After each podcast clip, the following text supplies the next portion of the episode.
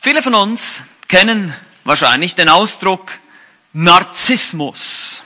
Nun, das ist ein Ausdruck, den man benutzt für Menschen, die ganz besonders selbst verliebt sind und Selbstbewunderung praktizieren, sich selbst lieben. Ein Narzisst. Nun, diese, dieser Ausdruck wird abgeleitet von dem griechischen Mythos des Narziss.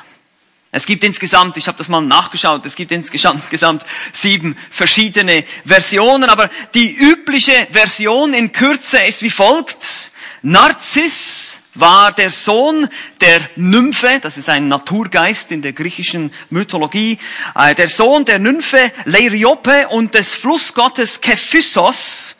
Er war ein wunderschöner Jüngling und wurde von Frauen interessanterweise auch wie von Männern sehr begehrt und bewundert, aber er wies sie alle ab. Sogar die Nymphe Echo, hm, die sich so lange nach ihm verzehrte, bis kein Leib mehr da war, sondern nur noch Schall, daher haben wir das Echo heute, aber er wies alle zurück und so gab es einen der Zurückgewiesenen, der Narziss verfluchte und zur Liebesgöttin Aphrodite betete und diese erhörte seinen, seinen Wunsch und so verliebte sich oder wurde sein Wunsch nach dieser Liebe nicht mehr ähm, empfunden. Er musste unter den Qualen der unerwiderten Liebe leiden und dieser Wunsch kann natürlich nie in Erfüllung gehen.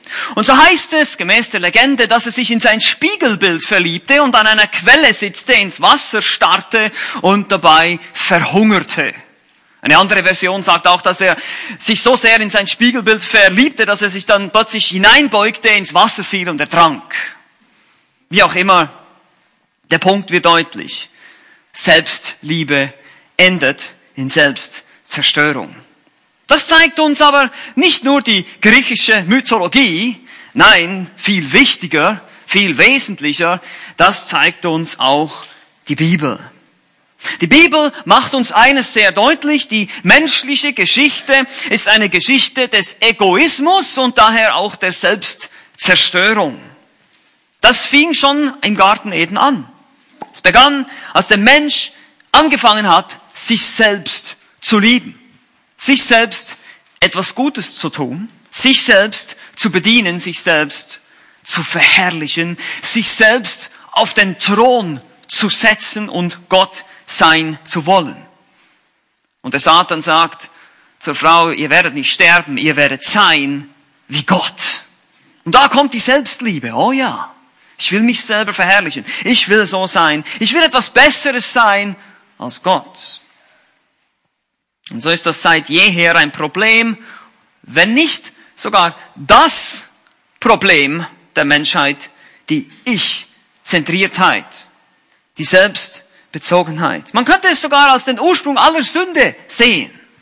Der Mensch will Gott sein. Er will selbst bedient werden. Er will sich selbst auf den Thron setzen. In Römer Kapitel 1, Vers 23 heißt es interessant, von den Menschen im Allgemeinen Sie haben die Herrlichkeit des unvergänglichen Gottes vertauscht mit einem Bild, das dem vergänglichen Menschen entspricht und dann noch den Vögeln und vierfüßigen kriechenden Tieren gleicht. Man, man vertauscht, oder das Geschöpf vertauscht die Anbetung des Schöpfers mit der Anbetung des Geschöpfs. Er betet ein Bild an, das aussieht wie ein Mensch. Und der Mensch, der dazu geschaffen wurde, Gott anzubeten, betet nun sich selbst an. Er dient seinen eigenen Lüsten, seinen eigenen Wünschen, seinen eigenen Begierden, seinen eigenen Zielen, seinen eigenen Hoffnungen und vieles mehr. Der Autor Fritz Binde beschreibt das so, ganz kurz, Zitat, es gibt zweierlei Dienste auf Erden. Ich-Dienst und Gottesdienst. Zitat Ende. Wir müssen uns immer entscheiden, ob wir im Ich-Dienst oder im Gottesdienst leben wollen. Und auch unsere heutige Gesellschaft zeigt deutlich, wie ich verliebt unsere Gesellschaft ist.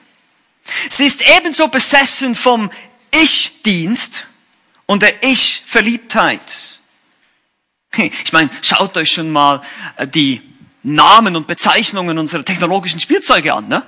iPad, iPhone, iPod, ich, ich, ich. Aber das sieht man nicht nur da, sondern auch zum Beispiel, ich will die Arbeit, die mich erfüllt. Ich will meine Freiheit. Ich will meine Rechte. Ich bestehe sogar auf meinen Rechten. Wir präsentieren uns auf sogenannten sozialen Medien, obwohl da eigentlich nicht viel wirklich Soziales dabei ist. Es geht dabei nämlich um, um eine Person, nämlich um mich, meine Bilder, mein Essen, meine Kinder, meine Familie, meine Schuhe, meine Klamotten, was immer. Ich, ich, ich. Und leider, wie das ja so ist, ist auch die Christenheit oder der heutige Evangelikalismus davon natürlich nicht verschont geblieben von dieser heutigen Kultur, die übrigens nie anders war. Das größte Gift, das je in die Christenheit injiziert wurde, ist die Idee, und jetzt müsst ihr gut aufpassen, man müsse sich selbst zuerst lieben, bevor man andere lieben kann. Und so wird doch tatsächlich das Gebot in Matthäus 22, Vers 39, du sollst deinen Nächsten lieben wie dich selbst, so ausgelegt, dass es heißt, ah, siehst du, du musst zuerst dich selbst lieben. Und erst dann kannst du andere lieben. Das ist das größte Gift, das je gelehrt wurde für die Christen.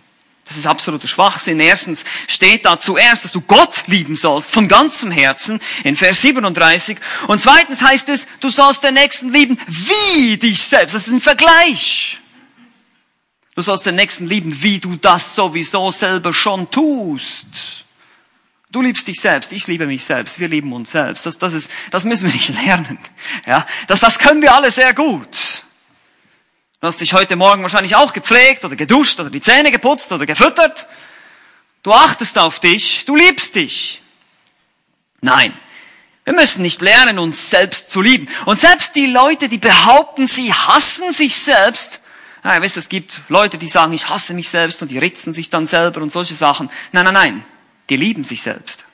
Die wollen die Aufmerksamkeit, die wollen bemitleidet werden. Das ist Stolz. Das ist Selbstliebe. Das ist genauso Selbstliebe wie das Umgekehrte, wie derjenige, der angebt, ein Angeber ist. Nein, nein, nein, nein. Das ist kein Hass. Wir müssen lernen, uns selbst zu hassen. Das sagt die Bibel. Aber dieser Selbsthass geht nicht in die Richtung, dass ich Aufmerksamkeit auf mich ziehe, sondern es geht in die Richtung, dass ich lernen muss, meine eigenen Ziele, meine eigenen Wünsche, meine eigenen Begierden Nein zu sagen zu diesen Begierden und mein Willen und meine Wünsche Christus unterzuordnen. Das ist das, was die Bibel lehrt. Meine Ambitionen. Aber leider ist es so, dass dieses Monster namens Ich, wenn man es mal, man hat das Gefühl, man hat es irgendwann mal vergraben im Boden, aber irgendwie findet dieses Ding immer wieder seinen Weg raus. Oder ein anderer hat es mal so beschrieben, ich lege meinen Leib immer wieder auf den Altar und irgendwie kriecht er immer wieder runter. Also es ist irgendwie so ein Kampf, dieses Ich, es rebelliert. Es will immer wieder die Kontrolle haben. Das lernen wir, das merken wir als Christen, wenn du, sobald du unterwegs bist mit dem Herrn Jesus, merkst du es ist nicht gar nicht so einfach, selbstlos zu sein, weil unser Inneres ständig schreit. Ich will, ich will, mein Reich komme, mein Wille geschehe, meine Begierden erfülle heute. Das ist das, was das Ego schreit in uns drin. Stattdessen sollen wir für den Herrn für andere leben. Und das ist das, was die Bibel lehrt. Selbstliebe ist Gift für den Christen. Ich sag's nochmal. Selbstliebe ist Gift. Ja, es ist Sünde. Das ist das, was die Schrift sagt. Und wie schon gesagt, es ist die Sünde schlechthin, aus der alles andere erwächst. Ich will meinen Weg, ich will meinen Willen, ich will meine Lust. Wie gesagt, mein Reich komme, mein Wille geschehe.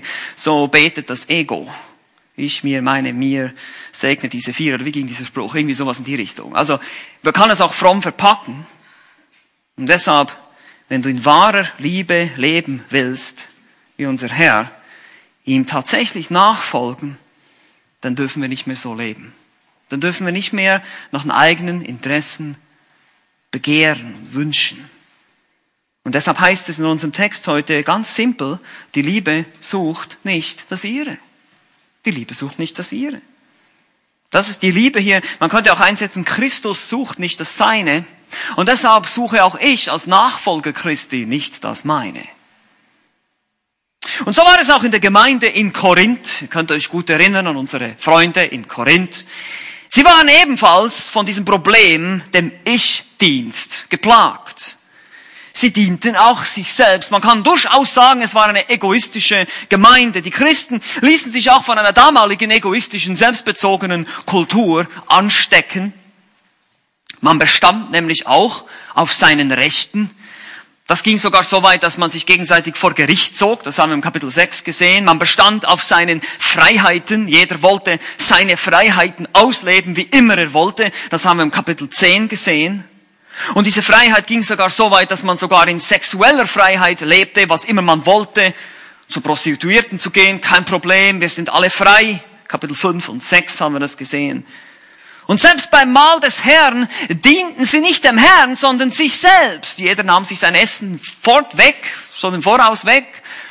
Oder die einen waren betrunken, oder man suchte den eigenen Vorteil, wollte sich im besseren Raum, vielleicht könnt ihr euch noch erinnern, im Triclinum, in diesem Speisesaal, die äh, grekoromanischen Häuser des ersten Jahrhunderts hatten diese, diesen Speisesaal, dann gab es diesen Innenhof, das Atrium, und jeder wollte in diesem besseren Raum sein und nicht in dem Atrium, in dem Innenhof sozusagen. Und er wollte zuerst essen, zuerst trinken. Hier sehen wir diese, diesen Egoismus, und auch beim Gottesdienst wollte jeder seine Gaben präsentieren. Oh, seht mal, wie wunderbar ich in Sprachen reden kann und der andere, wie wunderbar ich prophetisch reden kann. Und so redeten alle durcheinander, weil jeder der Erste sein wollte. Ich, ich und nochmal ich, mein Reich komme, mein Wille geschehe. Genau das geschah hier auf. Und so muss Paulus diese Gemeinde zurechtweisen. Moment mal.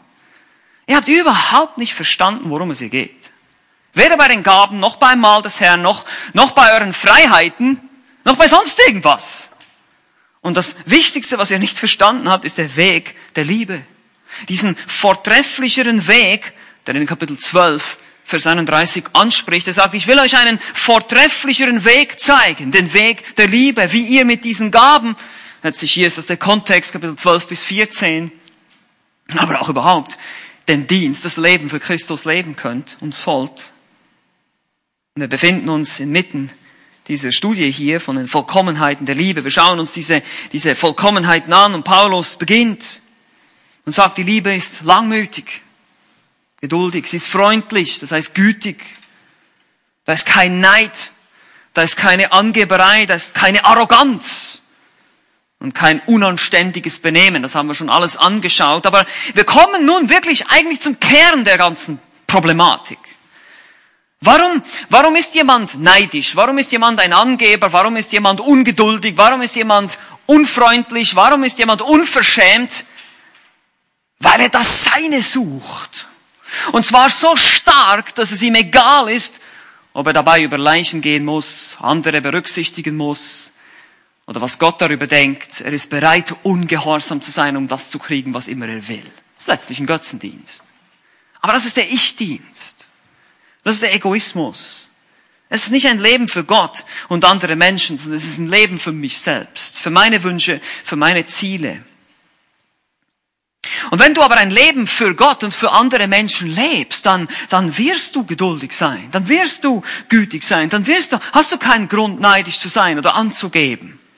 Oder auch, bist du auch rücksichtsvoll, nimmst auf die Schwächen von anderen Rücksicht. Du lebst eben dann nicht mehr im, im Ich-Dienst, sondern im Gottesdienst. Du suchst nicht mehr deinen Willen, sondern Gottes Willen. Und das mussten die Korinther definitiv lernen und das müssen wir auch heute immer noch lernen.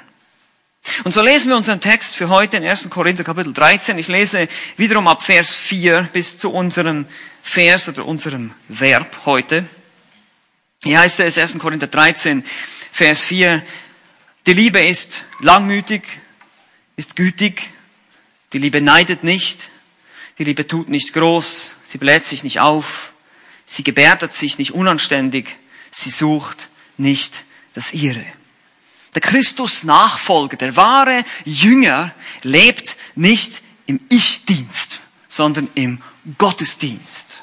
Er sucht, trachtet nicht nach seinen eigenen Interessen, sondern zuerst nach dem Reich Gottes und seiner Gerechtigkeit.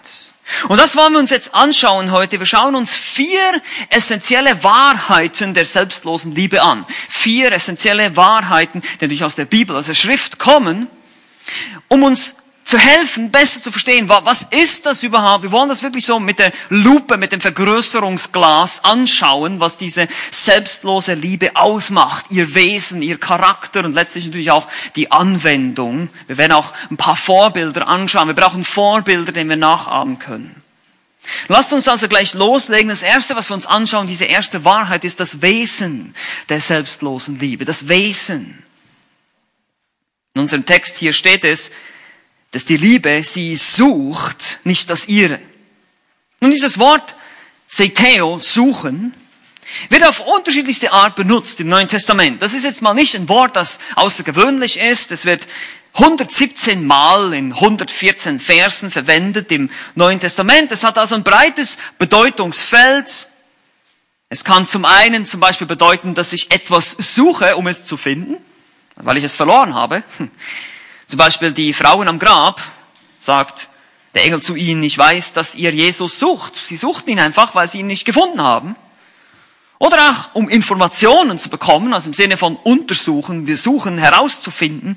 Die Schriftgelehrten untersuchten, sie suchten, wie sie Jesus töten konnten, wie sie ihn anklagen konnten. So wie dieses Wort auch verwendet. Und auch im Korintherbrief finden wir verschiedene Anwendungen, die unterschiedlichen Anwendungsformen. In, in Kapitel 4 Vers 2 finden wir, dass man sucht bei einem Verwalter, dass er treu erfunden wird. Also hier geht es auch um eine Untersuchung, eine Art äh, Prüfung. Man will, man will finden, man will etwas bei ihm finden, dass er treu ist. In Kapitel 7 zum Beispiel wird dieses Wort verwendet, um das Verlangen, eine Ehe einzugehen oder sich scheiden zu lassen, auszudrücken. Ja, es ist, du bist an eine Frau gebunden, so suche nicht frei zu sein. Bist du frei von einer Frau, so suche keine Frau. Aber das ist nicht die Bedeutung hier im 1. Korinther 13. Und eine Definition hier in diesem Kontext, wie das Wort Zeteo verwendet wird, sagt ein Lexikon, Zitat, beträchtlichen Aufwand und Anstrengung darin investieren, sein eigenes Verlangen zu erfüllen oder Ziel zu erreichen. Hier natürlich im Kontext von das meine oder das ihre.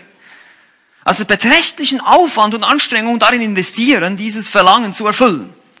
Und das kann erstmal positiv oder negativ sein. Wir werden zum Beispiel aufgefordert in Matthäus 6,33, da heißt es in euren deutschen Übersetzungen, trachtet zuerst nach dem Reich Gottes, aber wörtlich steht da eigentlich, sucht zuerst nach dem Reich Gottes. Das ist dasselbe Verb, seiteo. Das ist positiv.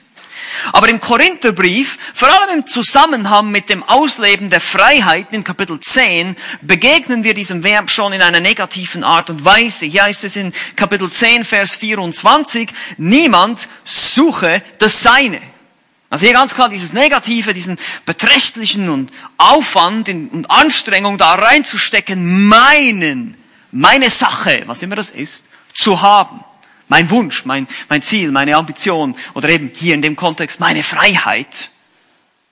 Und Paulus sagt dann in Kapitel 10, Vers 33, wie auch ich mich in allen Dingen allen gefällig mache, indem ich nicht meinen Vorteil suche, hier dasselbe Verb, sondern den der vielen. Es geht hier um die christliche Freiheit. Paulus sagt, es ist alles erlaubt, aber es ist nicht alles nützlich, Vers 23, und ihr sollt das suchen, was den anderen hilft und nicht, was euch selbst dient. Also dieser Gedanke hier ist nicht neu, der kommt schon in Kapitel 10 zum Vorschein. Wir sehen deshalb auch, dass die Gemeinde davon geprägt war, leider eben immer wieder in verschiedensten Bereichen sich selbst zu dienen. Daher suche ich nicht mein Verlangen zu erfüllen, meine Wünsche, meine Ziele, sondern das, was dem anderen dient. Paulus erwähnt dieses Prinzip dann eben auch hier in Kapitel 13, besonders im Zusammenhang mit dem Umgang und dem Dienst mit den Geistesgaben. Die Geistesgaben sind gegeben, um anderen zu dienen. Das ist eine, eine Schlüsselaussage des gesamten Abschnitts, Kapitel 12 bis 14. Die Geistesgaben sind gegeben zur Erbauung des Nächsten, zur Erbauung des Leibes und nicht zur Selbstauferbauung. Ja, und deshalb ist, sind diese Aussagen beispielsweise in Kapitel 14, wenn es darum geht, dass jemand sich selbst erbaut mit der Sprachenrede, sarkastisch zu verstehen. Weil sonst würde Paulus sich selber widersprechen. Er sagt im gesamten Brief, ihr seid nicht, eure, eure Gaben habt ihr nicht, um euch selbst zu dienen. Und plötzlich sind sie dann doch da, um sich selbst zu dienen. Nein, das ist nicht die Idee. Er sagt in Kapitel 14, Vers 12, so auch ihr, da ihr um geistliche Gaben eifert. Und wie gesagt, das ist nicht falsch, nach, Ge nach Geistesgaben zu eifern, das war nicht das Problem, aber das Problem war das Motiv. Sie wollten das tun, um sich selbst darzustellen. Und so sagt er, so sucht, Theo, dass ihr überströmend seid zur Erbauung der Versammlung. Eben, dass ihr nicht diese Gaben einsetzt, um euch selbst zu dienen, sondern der Versammlung, der Gemeinde. Und nicht zur Selbstauferbauung wie in Vers 4. Das ist keine Ermunterung dazu, sondern eine Kritik. Die Gaben sind gegeben, um einander in Liebe zu dienen und nicht die eigene Erfüllung zu suchen. Und genau das tut die Liebe eben nicht. Wenn du, wenn ich, wenn wir den Weg, diesen vortrefflicheren Weg gehen der Liebe, dann suche ich nicht das meine. Sei das beim Einsatz meiner Geistesgaben, was ja hier der Zusammenhang ist, oder eben auch in anderen Bereichen des Lebens. Und daher ist dieses Verlangen, Suchen nach dem meinen, einfach simpel gesagt, purer Egoismus. Selbstsucht. Eben Ich-Dienst. Und die meisten Bibelübersetzungen geben es genauso wieder. Sie sagen zum Beispiel, sucht nicht das Ihre, die Schlachter 2000, die Elbefelder, die Luther-Übersetzung ebenfalls. Die Menge-Übersetzung sagt, sie sucht nicht den eigenen Vorteil, das trifft auch den Kern der Sache.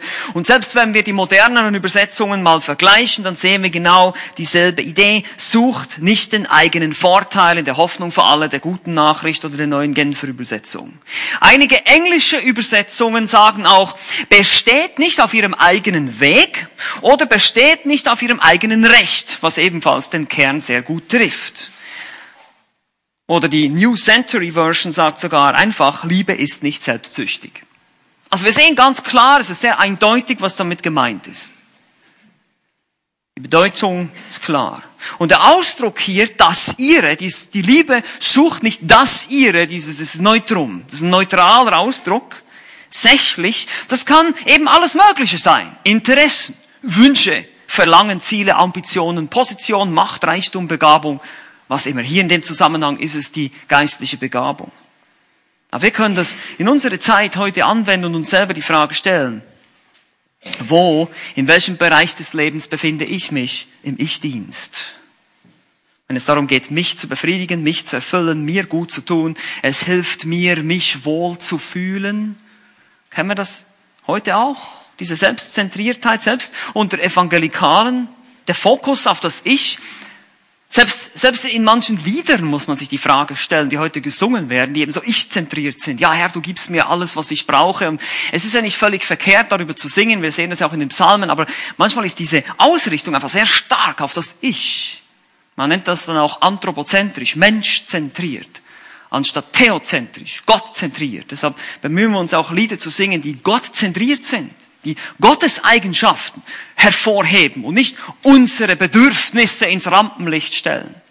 Weil das kommuniziert diese falsche Idee, dass es beim Gemeindebau um dich geht und um mich und um deine Wünsche, um meine Wünsche, so wie ein Wunschkonzert. Ich komme rein und es muss alles so nach meinem Gusto, nach meinem Geschmack sein, das passt mir nicht und hier fehlt mir noch ein Scheinwerfer und die Musik passt mir nicht und das gefällt mir nicht. Na, so geht das nicht. Das ist Ich-Dienst, nicht kein Gottesdienst. Und deshalb müssen wir uns hinterfragen, was ist mein Ziel, auch wenn ich am Sonntagmorgen hier mich versammle mit den anderen Geschwistern. Will ich mir selbst dienen? Oder mag ich einfach nur die sozialen Kontakte, die Freunde, ach, die sind alle so nett da, es so toll, so ein bisschen zu, zu schnacken, zu quatschen, und beim Kaffee. Ist das, das ist Ich-Dienst. Das, hat, das ist kein Gottesdienst. Wir müssen uns die Frage stellen, wo bin ich wirklich selbstlos? Wo gehe ich wirklich irgendwo hin oder tue etwas? Und ihr werdet merken, wie schnell, wie schnell das geht, dass wir im Ich-Dienst landen wieder. Das geht so schnell. Es ist so unglaublich. Wie gesagt, dieses Ich, dieses Monster, es kommt immer wieder ganz schnell hervor aus dem, aus dem Grab, in dem ich es gerade gesteckt habe. Aber wir müssen lernen von Christus, dass wahre Liebe das eben nicht tut. Sie dient sich nicht selbst. Wer, wer wirklich in der Liebe lebt, wer wirklich ein Christ ist, der will, der will nicht danach streben, seine eigenen Wünsche zu erfüllen, sondern der Wunsch des Herrn zu entsprechen, dem Herrn zu gefallen. In gewisser Hinsicht kann man sagen, es ist die vollste und umfassendste Beschreibung der wahren christlichen Liebe. Die Liebe sucht nicht das ihre. Das ist die umfassendste Beschreibung. Es, be es betrifft einfach alles. Eben dieses Ihre, das kann irgendwas sein. Einfach nicht das meine, einfach nicht irgendwas, was mir in irgendeiner Art und Weise dient. Sie beschäftigt sich nicht, sich selbst zu finden, sich selbst zu dienen oder sich selbst zu rechtfertigen oder Selbstwert zu suchen. Das ist auch so ein Irrtum von heute mit diesem ganzen Selbstwertgefasel. Das ist Ich-Dienst, das ist selbstsüchtig, das ist egoistisch, das bringt nichts. Nein, sie sucht nicht das ihre, sondern das Wohl des Nächsten und was Gottes Wille ist. Lasst uns, lasst uns mal darüber nachdenken. Setz dich mal hin und denke mal darüber nach, wie oft du am Tag eigentlich an dich denkst. Ich möchte jetzt was essen. Ich möchte jetzt dieses. Ich wünsche mir das. Oh, hätte ich doch nur jenes. Das ist jedes Mal. Und warum gelingt mir das nicht? Ich, ich, ich, ich. Immer, ständig. Es ist, es ist nicht, es ist fast nicht aus uns rauszukriegen, ja, dieser Egoismus. Und das ist eben der Grund, warum die Bibel uns dazu aufruft, dass wir uns selbst hassen sollen. Dass wir uns selbst verleugnen sollen. Christus hat es uns vorgemacht und wir wollen in seinen Fußstapfen gehen. Und deshalb brauchen wir auch Vorbilder. Und wir sehen das auch in der Schrift. Und das ist die zweite, die zweite essentielle Wahrheit. Die Bibel gibt uns Vorbilder. Die Vorbilder der selbstlosen Liebe. Wir sehen die Vorbilder.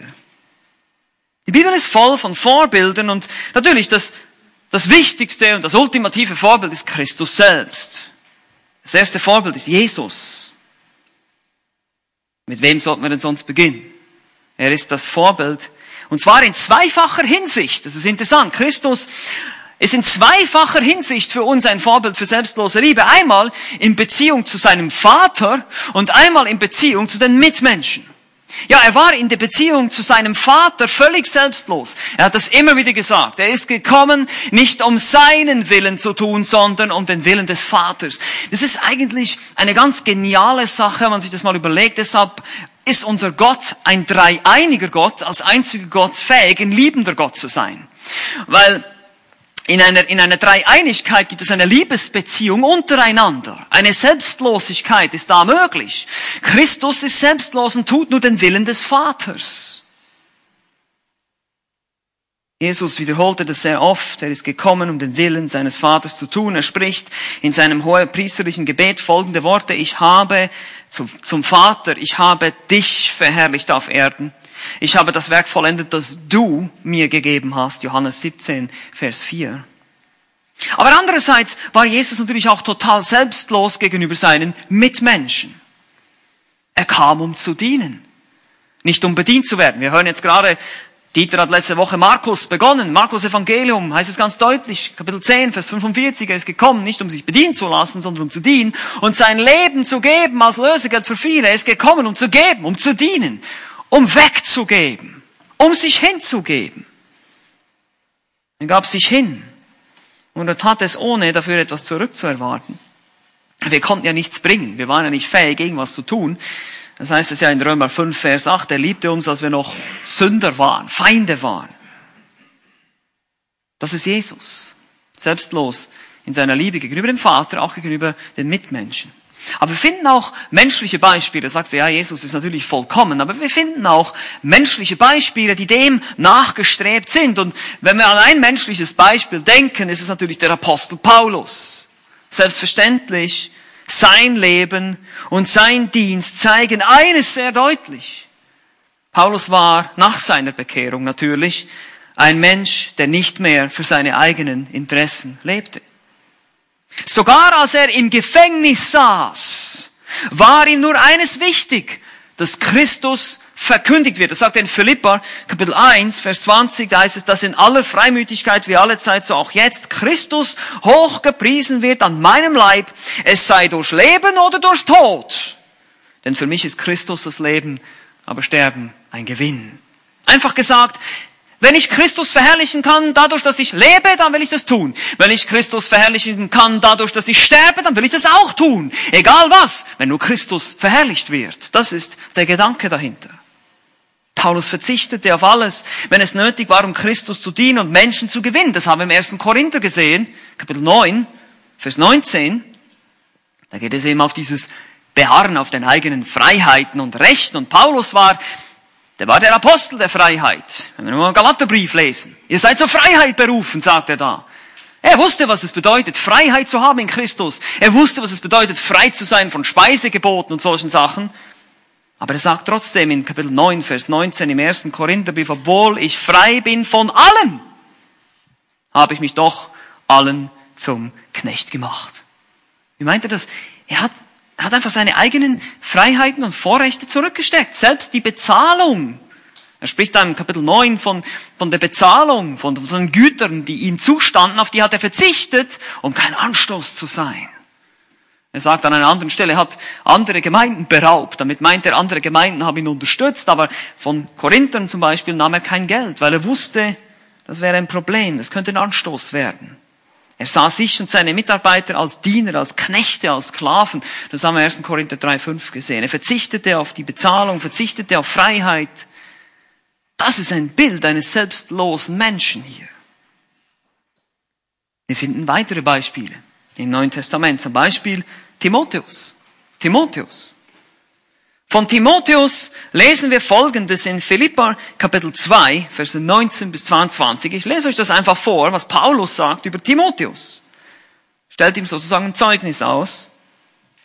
Ich hoffe aber in dem Herrn Jesus, Timotheus bald zu euch zu senden, damit auch ich ermutigt werde, wenn ich erfahre, wie es um euch steht. Denn ich habe sonst niemand von gleicher Gesinnung, der so redlich für eure Anliegen, nicht für seine, hm, für eure Anliegen sorgen wird. Denn sie, das sind andere, suchen alle das ihre, nicht das, was Christi Jesus ist. Wie er sich aber bewährt hat, das wisst ihr, dass er nämlich wie ein Kind dem Vater mit mir gedient hat am Evangelium. Er sucht nicht seine eigenen Interessen. Es, er wird sich um euch kümmern, sagt er den Philippern. Timotheus ist ein selbstloser Diener. Das ist vielleicht eine Dienstbeschreibung. Aber ein weiteres Beispiel finden wir auch noch, um noch eins anzufügen, in Epaphroditus, ebenfalls im Philipperbrief. Wenn ihr euch da gleich nochmal anschaut, Philipper 2, Vers 27, heißt es über Epaphroditus, er war auch wirklich todkrank aber Gott hat sich über ihn erbarmt und nicht nur über ihn, sondern auch über mich, damit ich nicht eine Betrübnis um die andere hatte. Und ein paar Verse weiter lesen wir in Kapitel 2, Vers 30. Denn für das Werk des Christus ist er dem Tod nahe gekommen, da er sein Leben gering achtete, um mir zu dienen an eurer Stelle. Seht ihr das? Er achtet sein eigenes Leben gering, um Paulus zu dienen an ihrer Stelle. Alles, was der im Kopf hatte, waren die anderen. Nicht mal seine eigene Gesundheit. Ihr wisst ja, wie das heute ist. Manche Leute sagen, Hauptsache gesund. Nee, das war nicht das Motto von Epaphroditus. Er hat nicht gesagt, Hauptsache gesund. Er hat gesagt, Hauptsache, ich diene Christus. Hauptsache, mir ist es egal, wie mein Zustand ist. Ich bin bereit, krank zu werden. Ich bin bereit zu leiden. Aber ich will Christus und dem Paulus und den Philippern dienen. Er achtete sein Leben nicht, heißt es hier. Und genauso letztlich natürlich war Christus auch, der sein Leben nicht achtete und bereit war, es hinzugeben. Also hier seht ihr das Wesen. Wir haben gesehen, die Liebe sucht nicht, ihre eigenen Verlangen zu erfüllen. Wir haben die Vorbilder. Und jetzt wollen wir uns drittens, bevor wir noch in die Anwendung kommen, wollen wir uns noch den Charakter der selbstlosen Liebe anschauen. Wie, wie sieht eine solche Liebe denn aus im Alltag? Wie, wie sollen wir das, wie sollen wir das verstehen? Wie sieht das, wie kann das konkret werden für dich und mich? Was, was kennzeichnet? Oder vielleicht auch, kann man auch sagen, wie kann ich mich prüfen?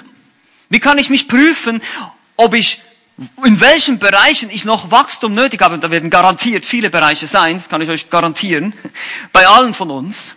Und deshalb betone ich das hier nochmal, ich habe hier zehn, nicht erschrecken, zehn Charakteristiken, es wird relativ schnell gehen, zehn, das sind nur Stichworte, und diese zehn Charakteristiken sind nur da, um uns, um dir und mir einen Spiegel vorzuhalten, damit du dich prüfen kannst und ich mich prüfen kann. Es geht hier wiederum nicht darum, auf einen anderen zu schauen, sondern ich will, wie gesagt, mein Ego muss sterben, es muss runter ins Grab und das ist das Ziel. Und es wird deinen Selbstwert auf keinen Fall steigern. Ich warne dich schon mal zum Voraus.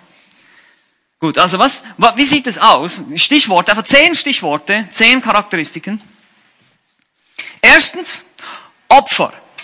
Können wir schon mal Opfer. Das haben wir bei Jesus und bei Paulus deutlich gesehen. Die selbstlose Liebe kostet etwas. Ja, das ist nicht umsonst für uns. Es kostet uns unseren Stolz.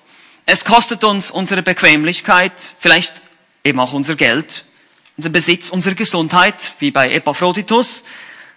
Das ist der Charakter. Wir verzichten auf Ansehen, wir verzichten auf Freiheit, wir verzichten auf Rechte. Und wie schwer fällt uns das? Wie schnell sind wir in diesem Punkt drin, dass wir sagen, ah, ich habe doch ein Recht. Das machen doch die anderen auch. Nein. Seit, seit wann sind die anderen der Maßstab für alle Dinge? Nein.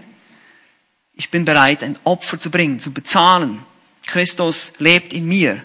Ich bin mit Christus gekreuzigt, heißt es in Galater 2,20, und nun lebe ich, aber nicht mehr ich selbst, sondern Christus lebt in mir, also Opfer.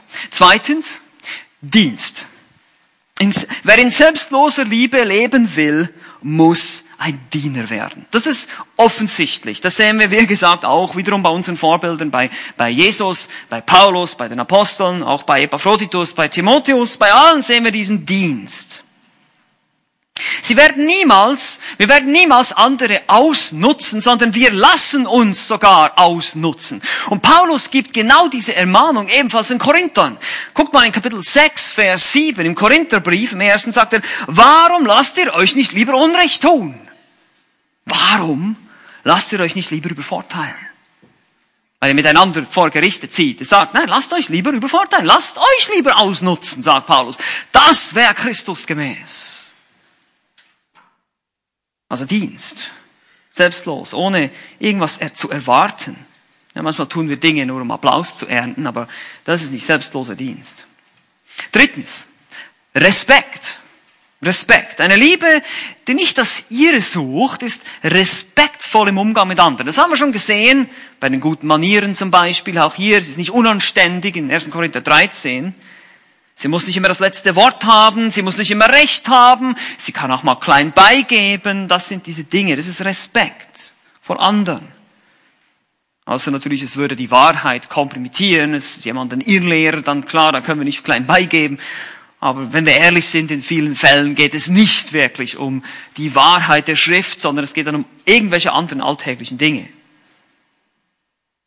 ist bereit, in Diskussion stets auch die andere Seite anzuhören. Das ist einfach Respekt. Man, man bringt Würde gegenüber den anderen. Man, man nimmt Rücksicht. Dann viertens, hilfsbereit. Eine Liebe, die nicht das ihre sucht, ist hilfsbereit.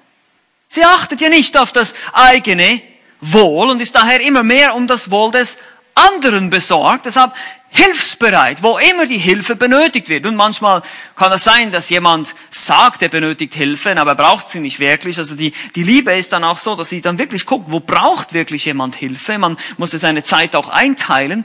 Aber man ist hilfsbereit. Grundsätzlich ist man einfach bereit zu helfen, wo immer das ist, was immer die Möglichkeiten sind, die der Herr uns gibt. Dann fünftens, Wertschätzung auch ein wichtiger Punkt. Die Liebe, die nicht das ihre sucht, schätzt das Andersartige. Mit anderen Worten, es muss nicht immer alles so laufen, wie ich das machen würde oder wie ich das organisieren würde oder wie ich das gestalten würde, sondern das kann auch mal anders laufen. Das ist völlig okay. Wie gesagt, auch hier, wenn es natürlich biblische Prinzipien verletzt, davon gehen wir jetzt mal nicht aus, sondern einfach um Vorlieben. Man ist bereit, das Andersartige zu schätzen, Menschen, die Dinge auf andere Art anpacken, andere Methoden haben vielleicht. Das ist Wertschätzung. Sechstens, ganz wichtig, Vergebung. Vergebung. Eine Liebe, die nicht das ihre sucht, ist schnell dabei zu vergeben, aber auch Vergebung zu suchen. Ja, wenn ich einen Blödsinn gemacht habe, bin ich bereit, den ersten Schritt zu gehen und um Vergebung zu bitten. Oder suche ich das meine und denke, der andere soll jetzt erstmal kommen und um Vergebung bitten. Warum muss ich immer anfangen? Das ist Ich-Dienst. Das ist selbstsüchtig. Nein, ich kann um Vergebung bitten. Ich soll um Vergebung bitten. Ja, der andere hat doch angefangen. Nein. Ja, das kann sein, dass der andere angefangen hat. Das heißt doch lange nicht, dass ich lupenrein bin und nichts getan habe. Zum Streiten braucht es immer zwei. Vergebung. Siebtens, Verzicht haben wir auch bei Paulus gesehen, bei Christus, ein Verzicht auf Vorrechte, Rechte, Ansehen, war immer nötig. Und zwar mit dem Ziel, Und das haben wir bei Paulus ganz deutlich gesehen im Philipperbrief, um Christus zu dienen. Auch im 1. Korinther 9 sehen wir das. Er verzichtet nicht einfach um des Verzichts willen, um eben sich damit wieder zu brüsten und damit wieder anzugeben. Nein, nein, nein, nein. Sondern er verzichtet um Christi willen. Er verzichtet, damit Christus verkündigt wird. Er freut sich sogar im Gefängnis selbst über die Leute, die Christus aus eigensüchtigen Motiven verkündigen. Selbst über die freut er sich noch, der Paulus bin bereit zu verzichten. Ich erhebe keinen Einspruch. Selbst wenn jemand mit einer Idee kommt, die eigentlich von mir stammt, das muss, das ist okay, ist egal. Man kann verzichten. Auf die Ehre, auf den Applaus. Und das fällt uns schwer. Hey, das war meine Idee. Ja, Copyright. Ja, da kommt wieder das Recht, das Copyright, mein Recht. Und gerade auch bei euch jungen Menschen, die ich auch immer wieder anspreche, denkt daran, ihr habt nicht ein Recht auf so viele Dinge, die ihr meint, ein Recht zu haben. Unsere Gesellschaft spiegelt uns das heute vor. Du hast ein Recht, auf die Party zu gehen. Du hast ein Recht, ein iPhone zu haben. Du hast ein Recht, was weiß ich. Ja. Hör auf damit. Wir haben kein Recht. Sagt, wer sagt das, dass wir dieses Recht haben, dass wir das einfordern können? Nein, das steht nirgends in der Schrift, sondern die, selbstlose, die selbstlose Liebe verzichtet und sagt, nein, ich verzichte. Andere dürfen auch, aber andere sind nicht der Standard. Achtens. Achtens. Arbeit. Arbeit als Stichwort. Eine Liebe, die nicht das ihre sucht, arbeitet. Sie arbeitet, auch wenn sie nicht viel dafür kriegt. Ja, ihr seht, wie das heute ist in der Gesellschaft, das ist genau umgekehrt. Sehr oft so, ne? Sehr oft das Denken, ja, wenn ich einen Job habe, wie viel kriege ich denn? Ja, dieses Wort kriegen hat schon diesen ich sage kriegerischen Aspekt, ja. Ich kämpfe für mein Recht, ich kriege dafür, ja. Nein, nein, nein, ich kriege nicht für mein Recht. Ich bin zufrieden mit dem, was ich bekomme. Oder die Arbeit mache ich nicht, das ist unter meinem Niveau. Nein, wahre Liebe ist nicht auf den eigenen Vorteil bedacht. Sie arbeitet ehrlich, lange und hart. Überstunden vielleicht sogar, ohne dafür etwas zu erwarten. Es ist schön, wenn wir was dafür bekommen, ich sage jetzt nicht mehr kriegen, bekommen, aber es heißt in Epheser 6, ihr Knechte gehorcht euren leiblichen Herren mit Furcht und Zittern in Einfalt eures Herzens aus dem Christus, nicht mit Augendienerei, um Menschen zu gefallen, sondern als Knechte des Christus, die den Willen Gottes von Herzen tun. Und Petrus schreibt sogar in seinem Brief, dass wir sogar den verkehrten Meistern dienen sollen. Also Arbeit. Eine Liebe, die nicht aus ihrer Sucht ist, bereit zu arbeiten. Weil es geht ja nicht um mein Wohl, es geht um das Wohl der anderen und um die Ehre Gottes. Neuntens, freigiebig. Eine Liebe, die nicht das ihre sucht, gibt, ja, anstatt zu nehmen. Und das hat uns Christus vorgelebt. Es ist seliger, was zu geben, als zu nehmen. Das ist genau das, was er getan hat. Auch hier wieder, egal was, Geld, Besitz, Zeit, Kraft, Energie, Gesundheit, wohl zu tun und mitzuteilen, vergesst nicht, denn solche Opfer gefallen Gott wohl. Hebräer 13, Vers 16. Wir geben. Wie viel Geld sieht das Reich Gottes von dir? Missionare, Gemeinde. Wie viel Geld verwendest du für deinen eigenen Luxus? Das ist immer wieder ein schöner Barometer zu sehen, wie selbstlos oder wie selbstsüchtig ich bin. Wo mein Geld hinfließt. Da, wo dein Schatz ist, da ist dein Herz, hat Jesus gesagt. Es ist brutal ehrlich. Wenn wir unser Kontostand angucken, wie viel Geld wohin fließt, dann weißt du Bescheid. Müssen wir gar nicht drüber sprechen. Trachte zuerst, sucht zuerst nach dem Reich Gottes und nach seiner Gerechtigkeit. Dann werden euch diese anderen Dinge zufallen, sagt Jesus in Matthäus 6,33. Und schließlich zehntens, eine weitere Charakteristik ist sicherlich leidensbereit. Ich nenne es leidensbereit. Eine Liebe, die nicht das ihre sucht, ist bereit zu leiden. Ihr könnt euch erinnern, in 1. Korinther 13 haben wir gesehen, die Liebe ist langmütig. Das bedeutet, sie ist bereit, lange zu leiden. Sie ist bereit, lange zu ertragen, auszuhalten, die Macken und Ecken und Kanten der anderen weil ich ja selber auch dieselben Ecken und Kanten habe, die wiederum andere ertragen müssen. Und deshalb bin ich bereit, lange zu leiden. Aber Paulus und Petrus und Jesus treiben das noch viel weiter.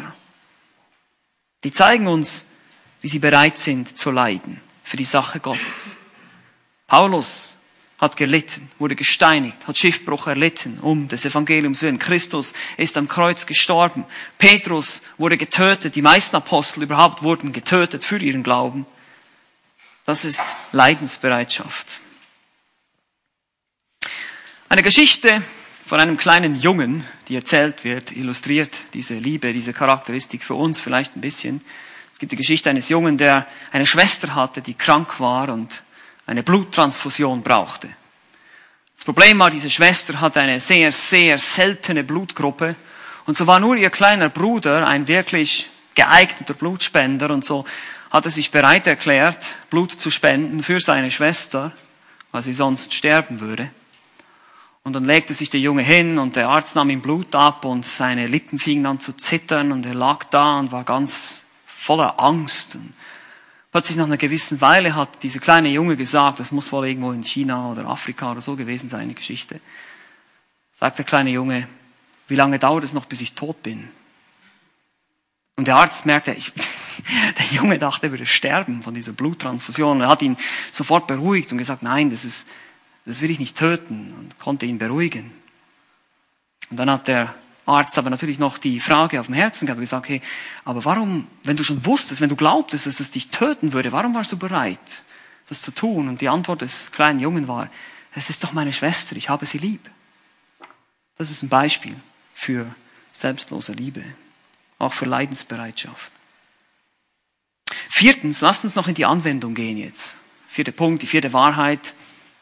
Wir haben jetzt das Wesen gesehen, die Vorbilder, die Charakteristik. Und jetzt schauen wir uns noch die Anwendung an. Wir wissen jetzt ungefähr, wie das aussehen soll, aber die Frage ist jetzt natürlich, okay, wie, wie komme ich denn jetzt dahin? Was, was mache ich denn jetzt konkret? Wie komme ich dahin, dass ich, dass ich eben leidensbereit bin, dass ich, weil, ja, leidensbereit ist so eine Sache, ne? Eben, ich falle schon um, wenn ich Blut nehmen muss. Die Frage ist, wie werden wir leidensbereit? Wie werden wir selbstlos? Wie können wir daran arbeiten? Wie können wir danach streben? Und das ist ganz wichtig zu verstehen als erster Punkt. Wir streben danach, okay? Es ist niemand perfekt, okay? Das ist, ich hoffe, dass wir alle, dass ihr alle so überführt seid wie ich auch und wir das diese Charakteristiken alle lesen und Jesus, sogar auch Paulus und Epaphroditus und all diese Beispiele sehen, denke ich, ach du meine Güte, und ich sitze hier in meinem, in meinem Büro vor dem Computer mit meinem gemütlichen Cappuccino, ja? Äh, okay, ähm, aber das kann sich natürlich auch auf andere Art und Weise ausdrücken. Deshalb sagt 1. Korinther 14.1, strebt nach der Liebe, strebt danach. Das Wort hier ist eifert danach. Wir sollen danach streben, wir sollen uns darum bemühen. Und das ist das Erste, was du tun musst. Du musst dich darum bemühen. Also, das heißt mit anderen Worten, es kommt nicht von alleine. Es ist nicht einfach so, dass ich ein Gebet sprechen kann, sagen, Herr, mach mich selbstlos. Bing! Und dann bin ich selbstlos. Schön wär's. So ist es nicht. Weil das Verb hier, dieses Streben in 1. Korinther 14, 1, steht im Präsens. Strebt, eifert beständig nach der Liebe. Beständig soll man das tun. Jeden Tag. Ganz bewusst. Und deshalb muss ich das wollen. Ich muss das wirklich wollen, diesem Beispiel von Christus nachzufolgen. Das ist das Erste. Du musst dich darum bemühen. Das Zweite ist, wir müssen mit den richtigen Mitteln kämpfen. Ja, manchmal machen wir den Fehler als Christen, dass wir denken, ich muss mich einfach ein bisschen mehr anstrengen, um ein besserer Mensch zu werden. Nein, so ist es nicht. Das geht in die Hose. Du kannst es nicht. Sondern wir müssen mit den richtigen Mitteln kämpfen. Und die richtigen Mittel sind Gottes Wort und Gebet. Studiere die Beispiele der Liebe, studiere das Beispiel der Liebe, Christus. Beschäftige dich mit Christus, mit den Gedanken aus dem Wort Gottes, wie Christus ist, wer er ist. Wir müssen uns erstmal hinsetzen zu den Füßen Jesu, bildlich gesprochen, und mit ihm Gemeinschaft haben. Und das tun wir auch im Gebet. Wie oft betest du konkret dafür, dass du in deiner Heiligung wachsen kannst? Meine Lieben, wenn wir nicht dafür beten, dann wird nichts passieren. Und ich sage das immer wieder, wenn wir das Wort Gottes nicht benutzen und nicht das Gebet einsetzen, dann wird Gott, dann wird der Heilige Geist dich nicht wachsen lassen. Weißt du warum? Weil er die Ehre niemand anderem gibt. Er will für sich selbst die Ehre haben, sonst hast du oder habe ich das Gefühl, oh, ich habe es geschafft durch meine Selbstdisziplin. So ein Unsinn, Quatsch, auf keinen Fall. Nein, der Geist Gottes wird niemanden anderes als dem Herrn Jesus und dem Vater die Ehre geben und deshalb wird er dich erst verändern, wenn du dich, wenn du dich auf seine Mittel einlässt, die er dir gegeben hat. Sprich, wir müssen uns mit Gottes Wort intensiv beschäftigen und im Gebet wachsen. Mehr beten, viel beten. Und damit meine ich nicht einfach nur irgendwie sich hinsetzen eine ganze Stunde, sondern wirklich eine, ein andauerndes Gebetsleben pflegen. Den ganzen Tag. Und dann natürlich drittens, wir müssen bereit sein, Nein zu sagen zu uns selbst. Ich meine, es geht nicht ohne, einfach mal, um es bildlich darzustellen, sich selber auf die Finger zu klopfen und sagen, nein, das tue ich jetzt nicht. Weil ich genau weiß, es ist einfach nur egoistisch, was ich jetzt hier tun will. Es dient nur wem? Mir selbst. Und das ist leider so, dass ich, das wird ständig protestieren in mir drin, in dir drin und will immer wieder rauskommen. Und deshalb muss ich das lernen, tausendmal am Tag Nein zu sagen. Das hat man jemand so ausgedrückt. Eine Heiligung zu wachsen bedeutet, tausendmal am Tag Nein zu sagen zu sich selbst. Nein, das will ich jetzt nicht tun. Nein, das brauche ich jetzt nicht. Nein, da will ich jetzt nicht hingucken. Nein, und so weiter und so fort, was immer die Anfechtung ist. Und mit Gottes Hilfe können wir das tun. Dann viertens, wir müssen lernen, uns selbst nicht wichtig zu nehmen. Hm, das ist ja das Problem des Egoismus ist, ich stelle mich selber ins Zentrum. Es geht um meine Wünsche, um mein Königreich, um meinen Willen, der geschehen soll. Und so muss ich den Spiegel des Wortes nehmen, das Wort Gottes und meine eigene Verdorbenheit, meine eigene Sündhaftigkeit erkennen, wie schlecht ich bin, wie schlimm ich bin und wie sehr ich doch abhängig bin von Gottes Gnade. Und das haben wir schon gehabt, dann so lernen wir demütig zu sein. Da müsst ihr euch die Predigt über das Aufgeblähtsein nochmal anhören. Da habe ich ziemlich ausführlich darüber gesprochen, wie wir lernen und danach streben können, demütig zu werden. Wir werden uns bewusst, dass wir nur Geschöpfe sind. Wir sind nur Staub und Asche, wir sind limitiert, wir sind nur Wesen, wir sind nicht der Schöpfer, wir sind nur Geschöpfe. Und wir sind sündig noch dazu. Und diese Verdorbenheit, und ich hoffe, das kannst du jetzt sehen, die geht tiefer, als du je denkst. Eben, wie oft denke ich an mich selbst, an meine Wünsche, an meine Begierden, jeden Tag. Stell dir mal diese Frage, dann merkst du schnell, wie verdorben du bist. Das geht nämlich so schnell, sehr schnell, und so werden wir demütig und verstehen, wir müssen lernen, für den Herrn und für andere zu leben. Und fünftens, ganz wichtig, wir müssen das richtige Ziel im Auge behalten. Die Lösung liegt nicht in mir. Es geht nicht um unendliche Introspektion, dass ich jetzt immer wieder schaue, wo habe ich hier noch in mir selbst falsche Motive, da wirst du noch genügend finden. Die, die Lösung liegt nicht in dir selbst. Die Lösung liegt beim Blick auf Christus. Wir müssen auf Christus schauen. Wir müssen das Ziel im Auge behalten. Das Ziel ist einerseits so zu werden wie Christus. Kolosser 3, Vers 1 bis 2 heißt es, wenn ihr nun mit Christus auferweckt worden seid, so sucht, hier ist wieder dieses Wort, so sucht das, was droben ist, oder Christus ist sitzen zur Rechten Gottes, trachtet nach dem, was droben ist, nicht nach dem, was auf Erden ist. Oder auch 2. Korinther 3, 18. Wir alle aber, indem wir mit unverhülltem Angesicht die Herrlichkeit des Herrn anschauen, wie in einem Spiegel werden verwandelt in dasselbe Bild von Herrlichkeit zu Herrlichkeit. Seht ihr das? Wir schauen und wir werden verwandelt. Dadurch, dass wir uns auf Christus ausrichten und ihn suchen. Und dann konzentrieren wir uns auf unseren Auftrag, den wir haben. Wir haben einen Missionsauftrag. Und das erfordert genauso viel Selbstlosigkeit von dir und von mir. Es geht darum, dass ich versuche, die Menschen, die um mich herum sind, mit dem Evangelium zu erreichen. Es geht darum, dass ich meinen Geschwistern in der Gemeinde diene. Ich habe gar keine Zeit, ständig auf mich zu schauen. Und das ist das Heilmittel gegen all die Depressionen und was es heute alles gibt, weil die Leute schauen nur auf sich selbst, gucken sie in sich selbst hinein und was ich da finde, ist ehrlich gesagt wirklich sehr depressiv. da schaue ich lieber auf Christus. Wirklich. Wir müssen aufhören, auf uns selbst zu schauen. Es ist ja klar, dass du verzweifelst. Ich verzweifle auch ab mir selbst, aber ich will nicht auf mich schauen, ich schaue auf Christus. Und deshalb können wir ermutigt sein, weil je mehr Zeit du und ich mit Christus, dass wir mit Christus verbringen, desto mehr wird das sozusagen auf uns abfärben. Ja, es wird immer mehr uns verwandeln. 2. Korinther 3,18. Die folgende Geschichte soll das nochmal illustrieren, die sich in China abspielte. Diese Geschichte handelt von zwei Reisbauern.